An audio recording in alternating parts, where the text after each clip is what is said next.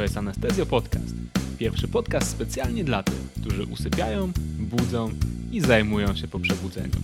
Mam na imię Staszek i zapraszam Was na kilkanaście minut wspólnej nauki. Cześć, witaj ponownie w Anestezjo Podcaście. W ostatnim czasie postanowiłem uporządkować trochę tematykę odcinków, którym, którymi się zajmujemy, opierając się na sylabusie Europejskiego Dyplomu Anestezjologii Intensywnej Terapii, czyli EDAIC ten, e, ten sylabus opiera się na e, dwóch głównych kategoriach, czyli na kompetencjach ogólnych i na kompetencjach specyficznych dla anestezjologii intensywnej terapii. I każde z tych e, kompetencji zawiera kilka domen, to znaczy 10 domen dla kompetencji podstawowych i 7 domen dla kompetencji specjalistycznych. Postanowiłem zająć się więc po kolei tymi domenami i zastanowić się nad tym, które tematy w poszczególnych domenach warto jest przybliżyć przybliżyć do tego, żeby pomóc przygotować się do tego dyplomu, albo też może uporządkować trochę powtarzanie informacji, które już posiadacie. E, więc postanowiłem zacząć od kompetencji ogólnych i w najbliższych miesiącach zajmiemy się kompetencjami związanymi z chorobami przewlekłymi, z opieką śródoperacyjną nad pacjentem, opieką pooperacyjną nad pacjentem, medycyną ratunkową, ale także intensywną terapią w ujęciu interdyscyplinarnym. No więc e, zaczniemy sobie od tych chorób przewlekłych i od e, zarządzania chorobami przewlekłymi w okresie okołooperacyjnym. Na pierwszy rzut chciałbym wziąć chorobę, która jest bardzo częsta i bardzo często w okresie okołooperacyjnym, przynajmniej z moich informacji tak by wynikało, trochę niedopieszczona. Jest to cukrzyca. Cukrzyca jest związana z, ze znacznie zwiększonym ryzykiem okołooperacyjnym. Jest to związane z relatywnie asymptomatyczną chorobą wieńcową serca. W Larsenie jest użyte takie sformułowanie KADN, czyli sercowo-naczyniowa autonomiczna neuropatia cukrzycowa. W badaniu DICAMI zostało wykazane, że przy OZW należy natychmiast przywrócić prawidłową glikemię, ale także w okresie okołooperacyjnym ważne jest to, żebyśmy o tą prawidłową glikemię, czym jest prawidłowa glikemia w okresie okołooperacyjnym, za chwilę sobie powiemy, zadbali. Cukrzyca jest związana z wzrostem ryzyka infekcji oraz wzrostem ryzyka śmiertelności okołooperacyjnej. Cukier czy poziom glukozy w okresie okołooperacyjnym jest bardzo labilny, więc należy pamiętać o tym, żeby dostosowywać leczenie do okresu okołooperacyjnego.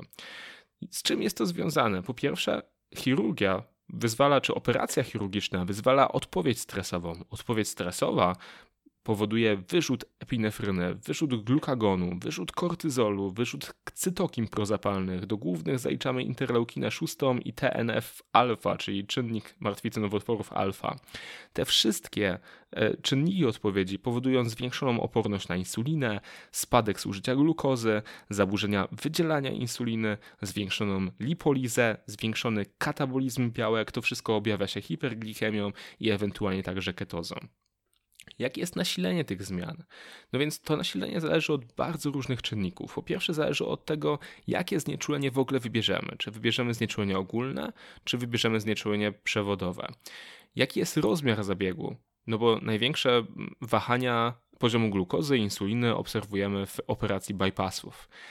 No i bierzemy też pod uwagę dodatkowe czynniki pooperacyjne, takie jak brak alimentacji, jak dożywienie, jak żywienie pozajelitowe, jak żywienie dojelitowe. Także to wszystko też trzeba wziąć pod uwagę próbując przewidzieć poziomy glukozy u pacjenta w czasie i po operacji. Jest to oczywiście trudno przewidywalne, dlatego dobrze jest mieć schematy, które pozwolą nam na odpowiednią kontrolę glikemii w okresie okołooperacyjnym. Jeśli chodzi o rodzaj zabiegu operacyjnego, ciekawym jest to, że Larsen mówi o tym, żeby u pacjentów z cukrzycą, którzy mają stwierdzoną neuropatię cukrzycową, generalnie próbować unikać znieczulenia regionalnego, w tym wysokiego znieczulenia podpajęczynówkowego i znieczulenia zewnątrzoponowego, ponieważ może to nieść ze sobą ewentualne ewentualne skutki prawne.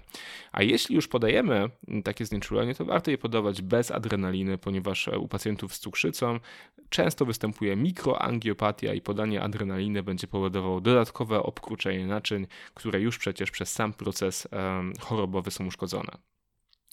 No więc mamy takiego pacjenta, który przychodzi do nas, o którym wiemy, że ma cukrzycę, ponieważ zbieramy z nim wywiad. O co mamy więc go zapytać i co zbadać, żeby zmniejszyć to ryzyko, które u pacjenta z cukrzycą jest zwiększone. A więc zaczynamy od wywiadu. Pytamy pacjenta o typ cukrzycy. Jak zapewne wiecie, typów cukrzycy jest więcej niż jeden. E, dla nas, na potrzeby naszych rozważań możemy uznać, że istnieją nadal tylko dwa typy cukrzycy.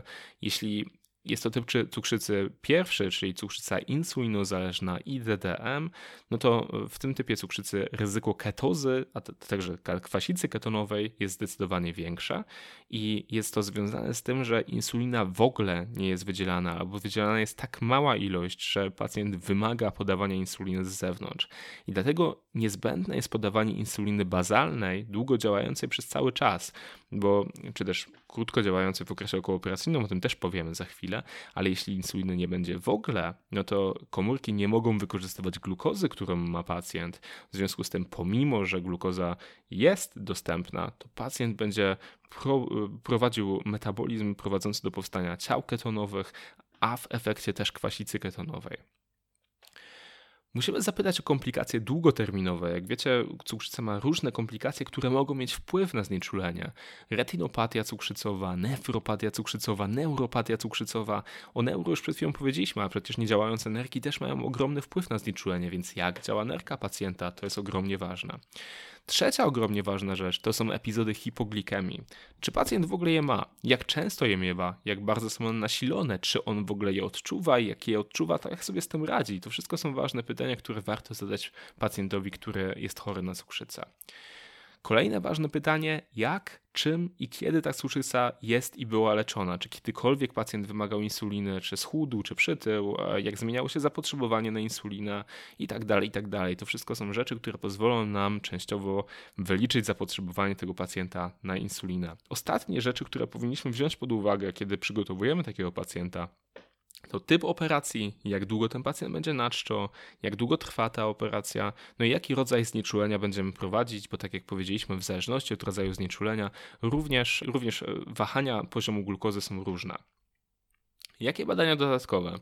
Generalnie do podstawowych badań dodatkowych u pacjenta, który ma cukrzycę, zaliczamy EKG, w którym powinniśmy patrzeć na to, czy pacjent nie ma czasem patologicznych załamków kół większych niż 5 mm e, w odprowadzeniach sąsiadujących, bo może to wskazywać na przebyty zawał serca, który przecież u pacjenta z cukrzycą mógł być niemy i pacjent mógł się nie zorientować, że coś się w jego sercu dzieje.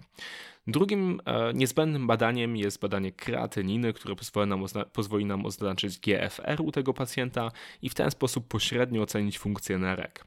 No i trzecim badaniem, które jest absolutnie niezbędne, to jest hemoglobina glikowana, czyli HbA1c i poziom glukozy. Dlaczego oznaczałem HbA1c? Ponieważ okazuje się, że e, poziom HbA1c koreluje w sposób bezpośredni z ryzykiem okołooperacyjnym. W niektórych badaniach wykazano takie, to, to były metaanalizy, wykazano taki wzrost ryzyka komplikacji sercowo-naczyniowych albo zakażeń. I na 1% wzrostu HbA1c powyżej normy e, okazuje się, że ryzyko rośnie o 40%, czyli każdy 1% to jest 40% wyższe ryzyko komplikacji sercowo-naczyniowych lub zakażeń okołooperacyjnych. To jest ogromnie dużo, więc dlatego e, kiedy przygotowujemy pacjenta do operacji elektywnej i przychodzi on z poziomem hemoglobiny glikowanej powyżej 10%, powinniśmy się mocno zastanowić nad tym, czy, czy ta elektywna operacja jest naprawdę najszczęśliwszym pomysłem. Jakie jeszcze badania dodatkowe można zrobić? No według Larsena powinniśmy zrobić wszystko, co da się zrobić. Powinniśmy zrobić EKG wysiłkowe, powinniśmy zrobić um, zmienność tętna, czyli HR vari, variability, e, które mówi nam o tym, czy pacjent e, w momencie, kiedy rozpoczyna wysiłek fizyczny, ma przyspieszenie tętna, bo jeśli nie, jeśli jego tętno jest przyspieszone e, już, już bazalnie w spoczynku, to może znaczyć to, że ma neuropatię autonomiczną nerwów, które powinny zaopatrywać serce. Larsen twierdzi też, że powinniśmy zrobić rentgen klatki piersiowej, chociaż nie uzewnętrznia się dlaczego akurat u tych pacjentów to jest tak strasznie ważne, że powinniśmy zrobić badanie neurologiczne, badanie dna oka, badania nerek, badania krzepnięcia i morfologię. Jakby to, czy to wszystko faktycznie potrzebują pacjenta, który przychodzi do nas do planowej artroskopii, to jest kwestia sporna, ale na potrzeby egzaminów, które bazują na Larsenia, teoretycznie taki zestaw badań powinniśmy, powinniśmy podawać. No i teraz tak, mamy już pacjenta, którego przygotowaliśmy do operacji. Jego poziom hemoglobiny glikowanej wynosi 6,0 i generalnie poziom glukozy w danym momencie też jest e, w, w zakresie normy 120. E, jakie powinniśmy więc mieć cele ogólne, które postawimy sobie w naszym postępowaniu okołooperacyjnym? No więc pierwszym celem ogólnym jest unikanie hipoglikemii. To jest absolutnie najważniejsze. Pacjent, który śpi, nie będzie nam mógł powiedzieć, nie będzie odczuwać, że jego poziom cukru jest za niski, więc hipoglikemia jest dla tego pacjenta naprawdę niebezpieczna. Po drugie, powinniśmy zapobiegać powstawaniu kwasicy ketonowej albo stanów hiperosmolarnych. No bo jeśli mamy resztkowe wydzielanie insuliny, ale bardzo dużo glukozy, to będzie tworzył się w cukrzycy typu drugiego stan hiperosmolarny, który też oczywiście jest dla pacjenta zły i niebezpieczny. Po trzecie, zachowanie balansu płynów i elektrolitów, na który to balans również mają wpływ nie tylko glukoza i jej poziom, ale także leki stosowane w leczeniu cukrzycy. Ciężka hipoglikemia, czyli poniżej 40 mg na decylitr, nawet przez krótki okres czasu może powodować arytmię, e, inne powikłania kardiologiczne, ale też deficyty poznawcze, kognitywne. No i u pacjentów, tak jak mówiliśmy, sedowanych albo poddanych znieczuleniu ogólnemu, hipoglikemia jest bardzo trudna do rozpoznania. W typie pierwszym cukrzycę mamy do czynienia, tak jak mówiliśmy, z absolutnym niedoborem insuliny, z dużą podatnością na ketozę. Szczególnie kiedy w okresie okołooperacyjnym odstawimy insulinę bazalną, to ryzyko ketozy jest dużo wyższe. Niepodanie insuliny krótko działającej przed posiłkiem będzie powodowało piki glikemii, które też w okresie okołooperacyjnym nie są pożądane. W typie drugim cukrzycy mamy z kolei tą podatność na stany hiperosmolarne ze znaczną hipowolemią, z komplikacjami neurologicznymi i e, z kwasicą ketonową tylko w stanach ekstremalnego stresu. Docelowa glikemia w okresie okołooperacyjnym ma generalnie słabe pokrycie w evidence-based medicine, czyli mamy pewne wytyczne, pewne prace porównywały różne poziomy glikemii i z tego jak na razie niewiele wynikło. Z uwagi natomiast na ryzyko hipoglikemii, o której przed chwilą mówiliśmy, większość zaleceń mówi o trzymaniu poziomu glukozy w okresie okołooperacyjnym między 110 a 180. W dużej metaanalizie 1403 pacjentów intensywna terapia insulinowa, która próbowała utrzymać poziomy glikemii poniżej 120 mg na decylitr, nie dawała zmniejszenia ryzyka, ale zwiększała ryzyko wystąpienia hipoglikemii. Natomiast niektóre wytyczne, np. ADA, czyli American Diabetes Association, e, Ameryk amerykańskiego stowarzyszenia diabetologicznego, ale także nasz zielony Larsen mówi o utrzymywaniu glikemii między 80 a 180 mg na decylitr w całym okresie okołooperacyjnym. Jakie są więc strategie utrzymania tej docelowej glikemii? Jest ich kilka, ale żadna z nich nie została tak naprawdę walidowana i wybór odpowiedniej strategii zawsze jest wykładnikiem oceny klinicznej lekarza anestezjologa i innych specjalistów, którzy zajmują się pacjentem e, w okresie okołooperacyjnym. W idealnym świecie wszyscy pacjenci z cukrzycą powinni być operowani wcześniej rano, tak żeby e, ograniczyć ten czas nil per os, czyli e, czas, w którym chory nie przyjmuje żadnych pokarmów do siebie. No i teraz tak, całe postępowanie związane z lekami w dniu operacji, przed operacją powinno być oparte na tym, jaką operację robimy i na tym, jaki typ cukrzycy ma nasz pacjent. Jeśli pacjent ma cukrzycę typu drugiego, która jest leczona tylko i wyłącznie dietetycznie, generalnie w większości przypadków nie będzie on potrzebował dodatkowej terapii. Ewentualnie według profilu glikemicznego możemy, glikemicznego możemy podać temu choremu co 6 godzin e, insulinę szybko działającą, wtedy ewentualnie w czasie operacji, które trwają długo, co jedną, dwie godziny zrobić e, kontrolę laboratoryjną albo kontrolę point of care, na przykład e, glukometrem, co jedną, dwie godziny. I jeśli uznamy, że pacjentowi należy podać coś jeszcze, to wtedy dodać, dodatkowo podać insulinę, którą można podać chociażby podskórnie, chociaż e, zaburzenia ukrwienia skóry podczas operacji według Larsena są czynnikiem, który sprawia, że podawanie podskórnej insuliny śródoperacyjnej jest generalnie mało przewidywalne. Natomiast jeśli chodzi o oznaczanie glikemii, to pamiętajcie o tym, że e, oznaczenie glukozy z palca jest mało wiarygodne, kiedy pacjent dostaje wazopresory, kiedy pacjent dostaje leki hipotensyjne, e, hipotensyjne albo kiedy pacjent jest krytycznie chory. W tych wszystkich sytuacjach glikemia z palca jest generalnie mało wiarygodna.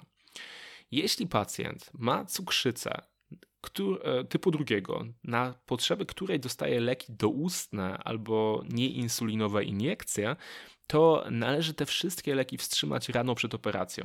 Larsen nawet mówi o tym, żeby wstrzymać wszystkie z nich 24 godziny przed operacją, czyli nie podawać ich już wieczorem przed operacją, a metforminę nawet do, do 48 godzin przed operacją. No i teraz tak, w zależności od leków, które pacjent bierze, musimy być świadomi pewnych ryzyk, które z nimi są związane. Pacjent może brać pochodne sulfonylomocznika. Jak one działają? Działają tak, że zwiększają wydzielanie resztkowej endogennej insuliny, dając wszystkie korzyści działania insuliny na tego pacjenta. Ale kiedy będziemy zwiększali wydzielanie insuliny, a pacjent nie będzie jadł, występuje naturalnie ryzyko hipoglikemii, czyli pochodne sulfonylomocznika są związane z ryzykiem hipoglikemii, bo pacjent ma więcej insuliny. Drugi lek, który pacjent może dostać, to jest metformina. Metformina jest zasadniczo przeciwwskazana w stanach, które podnoszą ryzyko hipoperfuzji nerek, gromadzenia mleczanu, hipoksji tkankowej. Też ją odstawiamy teoretyczne ryzyko kwasicy. Trzecia grupa leków to grupa leków o trudnej nazwie, w której e, często się mylę, ale teraz po, spróbuję powiedzieć powoli. Tiadolidynediony. Dałem radę. Czyli e, inna nazwa, która wychodzi mi lepiej, glitazony. To są leki, które aktywują receptor PPAR gamma, którego efektem jądrowym jest między, innymi zwiększenie gromadzenia kwasów tłuszczowych w adipocytach. Mniejsza ilość kwasów tłuszczowych powoduje zwiększenie procentowe metabolizmu komórkowego glukozy, czyli jest zużywane więcej glukozy, ale możliwym efektem ubocznym tych leków jest zwiększenie retencji płynów i w związku z tym zaostrzenie niewydolności serca, więc stany hiperwolemiczne są przeciwwskazaniem do stosowania tej grupy leków, do stosowania glitazonów albo inaczej tiadolidynedionów. Dziękuję bardzo. Następna grupa leków to tak zwane inhibitory SGLT2, czyli gliflozynę rapagliflozyna i takie inne podobne leki, które zasadniczo ten SGLT2 to jest e, kotransporter sodowo-glukozowy, który powoduje resorpcję zwrotną glukozy z kanalików nerkowych. Jeśli zablokujemy to białko, to mniej glukozy będzie resorbowane, więc nawet glukoza poniżej progu nerkowego, nawet poziom glukozy poniżej progu nerkowego będzie powodował wydalanie pewnych ilości glukozy. Co z tym się wiąże? Po pierwsze, wiąże się z tym ryzyko hipowolemii, po drugie, częściowe ryzyko hipoglikemii, chociaż nie aż tak znaczne, ponieważ mimo wszystko wydalanie glukozy jest zależne od poziomu glikemii, więc nie powinniśmy wydawać, wydalać tej glukozy aż tak dużo. No i co jest ciekawe, na fluzynach e, opisane są pojedyncze przypadki kwasicy ketonowej, więc teoretycznie nawet pacjenci w cukrzycy typu drugiego, którzy przyjmują gliflozyny, inhibitory tego kontransportera, mogą rozwijać kwasicę ketonową. Trzecia grupa leków i czwarta grupa leków to są tak zwane leki inkretynowe. E, mamy dwa rodzaje, gliptyny i glutydy. Gliptyny to są inhibitory DPP4. DPP4 generalnie jest odpowiedzialny za rozkład GLP1, czyli e, peptydu podobnego do glukagonu. I drugi rodzaj leków, czyli glutydy, to są analogi GLP1, czyli leki, które wyglądają i zachowują się w organizmie podobnie jak e, peptyd podobny do gluka, glukagonu. I teraz tak, mając te dwa leki o podobnym mechanizmie działania, e, powodujemy zmianę motoryki przewodu pokromowego. Większość pacjentów z dobrze kontrolowaną cukrzycą typu drugiego generalnie da radę bez insuliny podczas krótkich operacji. Wtedy monitorujemy co dwie godziny, ewentualnie mm, rapid, podskórnia, do ponownego włączenia leków albo rozpoczęcia podawania insuliny bazalnej. Większość leków można podawać od razu po rozpoczęciu jedzenia, natomiast metforminę warto zacząć podawać dopiero po dokumentacji funkcji nerek, o ile podejrzewamy, że w czasie operacji mogło dojść do jakiejś hipoperfuzji.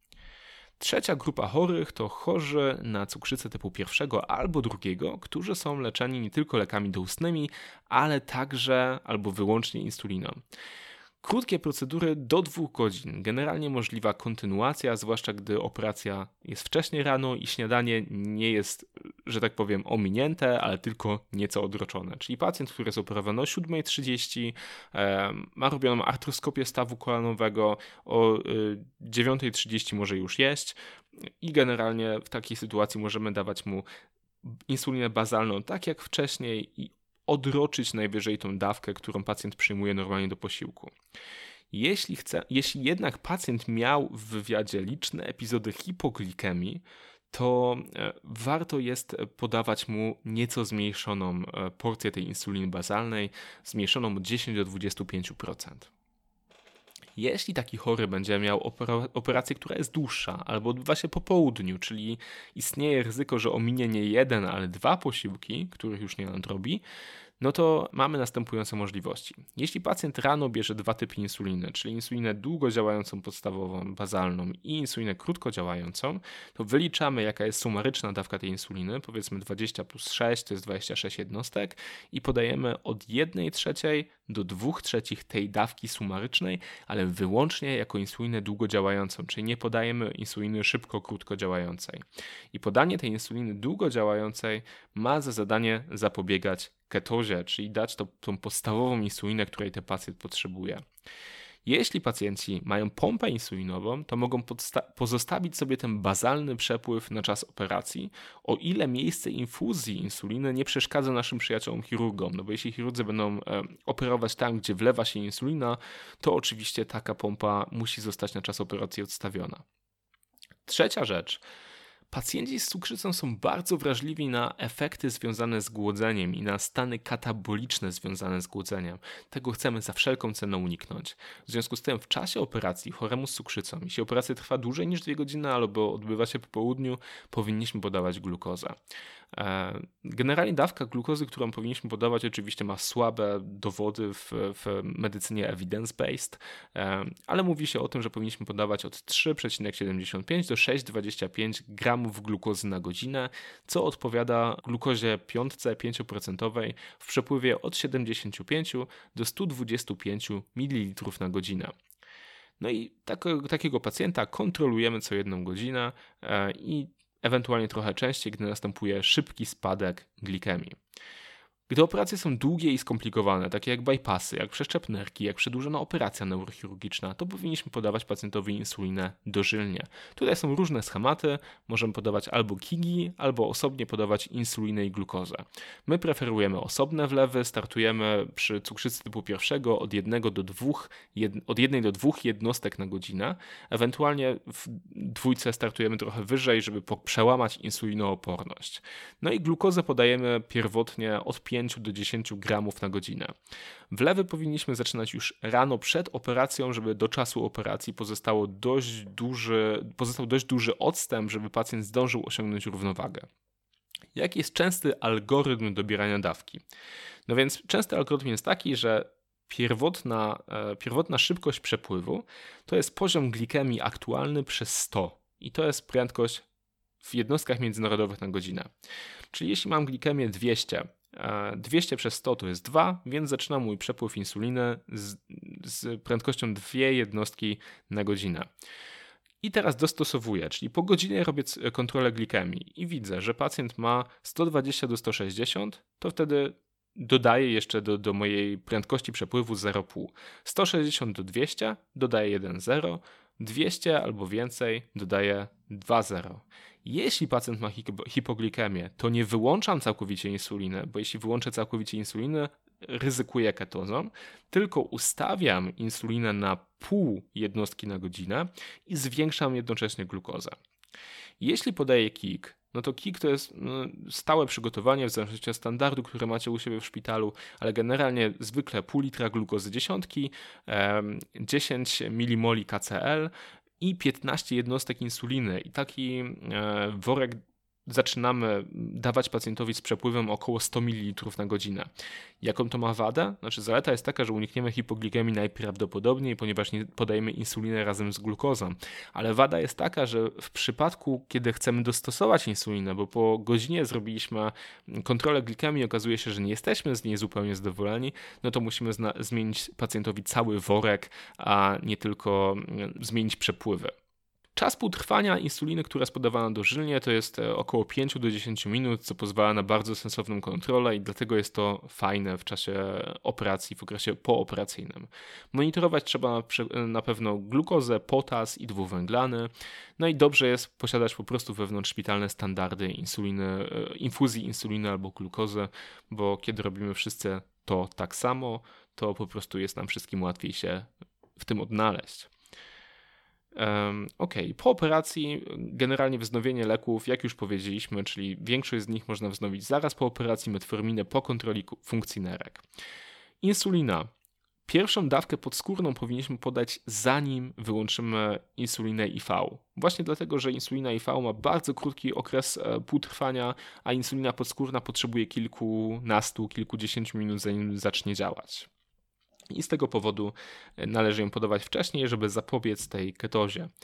Jeśli pacjent bierze insulinę podskórną po operacji przed rozpoczęciem alimentacji, to powinno, dale, powinno się podawać mu dalej glukozę w pompie, żeby uniknąć hipoglikemii. E, jeśli chodzi o samą hipoglikemię, no to już e, jakby wiele o niej powiedzieliśmy. Ryzyko w przypadku cukrzyków typu pierwszego jest trzy razy wyższe niż w dwójce, no i absolutnie kluczowa jest identyfikacja pacjentów z najwyższym ryzykiem, czyli takich, u których kontrola glikemii jest bardzo ścisła, u których poziomy glukozy są labilne i którzy mają częste hipoglikemię w wywiadzie. E, w przypadku sedowanego albo znieczulonego pacjenta, gdy glukoza jest poniżej 70, e, podaj 25 gramów glukozy IV i powtórz oznaczenie po 5 do 10 minutach. Te 25 gramów to jest zasadniczo też taka ilość, która no, jest dosyć zmienna osobniczo i w zależności od tego, jakie badanie przeczytacie, czy jakie wytyczne przeczytacie, to ilość, którą znajdziecie jest różna, od 5 do 25 do 30 nawet gramów glukozy. My podajemy 25 i, i to się generalnie dobrze sprawdza. I na sam koniec jeszcze kilka cięższych rozkmin, które są związane z cukrzycą. E, jeśli pacjent bierze sterydę albo podajemy sterydy w okresie okołooperacyjnym, to wpływa to oczywiście na pogorszenie kontroli glikemii albo na hiperglikemię, czy powoduje hiperglikemię u osób, które w ogóle nie mają cukrzycy. I odpowiedź tego pacjenta na sterydy jest zależna od dawki. Okazuje się, że jeśli podajemy deksametazą w dawce 4 do 8 mg, czyli w tej dawce, która generalnie ma być antyemetyczna, to nie ma to szczególnego efektu na poziomie glikemii. Jeśli natomiast podamy deksametazon w ilości 1 mg na kilogram albo metyloprednizolon 15 do 30 mg na kilogram, czyli wysokie dawki sterydów, no to mamy generalnie bardzo znaczne zmiany. E, zmiany są też znaczne w czasie operacji sercowych, w których też sterydy się podaje, w czasie operacji neurologicznych, w których sterydy się podaje. W tym wypadku podanie dużych ilości sterydów może indukować krótkotrwałą cukrzycę posterydową i wymagać włączenia insuliny. Druga rzecz, czyli alimentacja po zabiegu. Kiedy pacjent dostaje od nas e, całkowite znieczule, e, przepraszam, całkowite zżywienie pozajelitowe, to bardzo często ma na samym początku wysoki poziom glukozy i wymaga wysokich dawek insuliny. Większość ekspertów zaleca więc tak zwane Variable Rate Insulin Infusion, e, co oznacza, że po prostu dajemy pacjenta na pompę insulinową, robimy często oznaczania poziomu glukozy i dostosowujemy przepływ glukozy, podawanie glukozy, e, przepraszam, przepływ insuliny e, do tego, jaki jest aktualny poziom glikemii.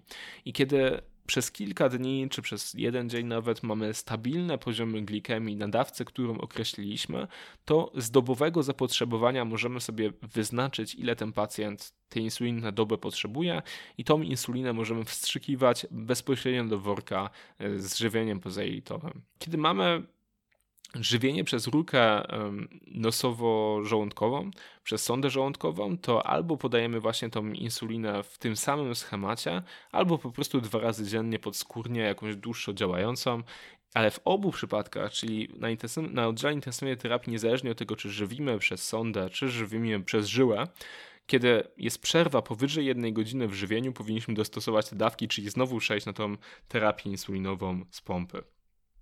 I trzecim, mm, trzecim case'em to są stany nagłe, które e, wymagają oznaczenia poziomu i zachowywania się zasadniczo jak w przypadku dłuższych, kompleksowych operacji. Bardzo ważne jest to, żeby bezwzględnie unikać hipoglikemii i żeby zwłaszcza pacjentom z jedynką zapewnić też ten przepływ insuliny podstawowej. Ojej, zrobiono się już pół godziny wykładu. To e, strasznie długi odcinek podcastu, ale też strasznie ważna choroba, dlatego czuję, że warto było powiedzieć trochę więcej na ten temat. Dziękuję Wam bardzo serdecznie za to, że byliście ze mną i słuchaliście. Z tego miejsca dziękuję też wszystkim, którzy są fanami podcastu i zdecydowali się go wspierać swoimi pojedynczymi złotówkami, zostali patronami podcastu. Wszystkim Wam życzę natomiast miłego dnia i do usłyszenia w następnym odcinku. Wtedy weźmiemy na warsztat równowagę kwasowo-zasadową. Do usłyszenia.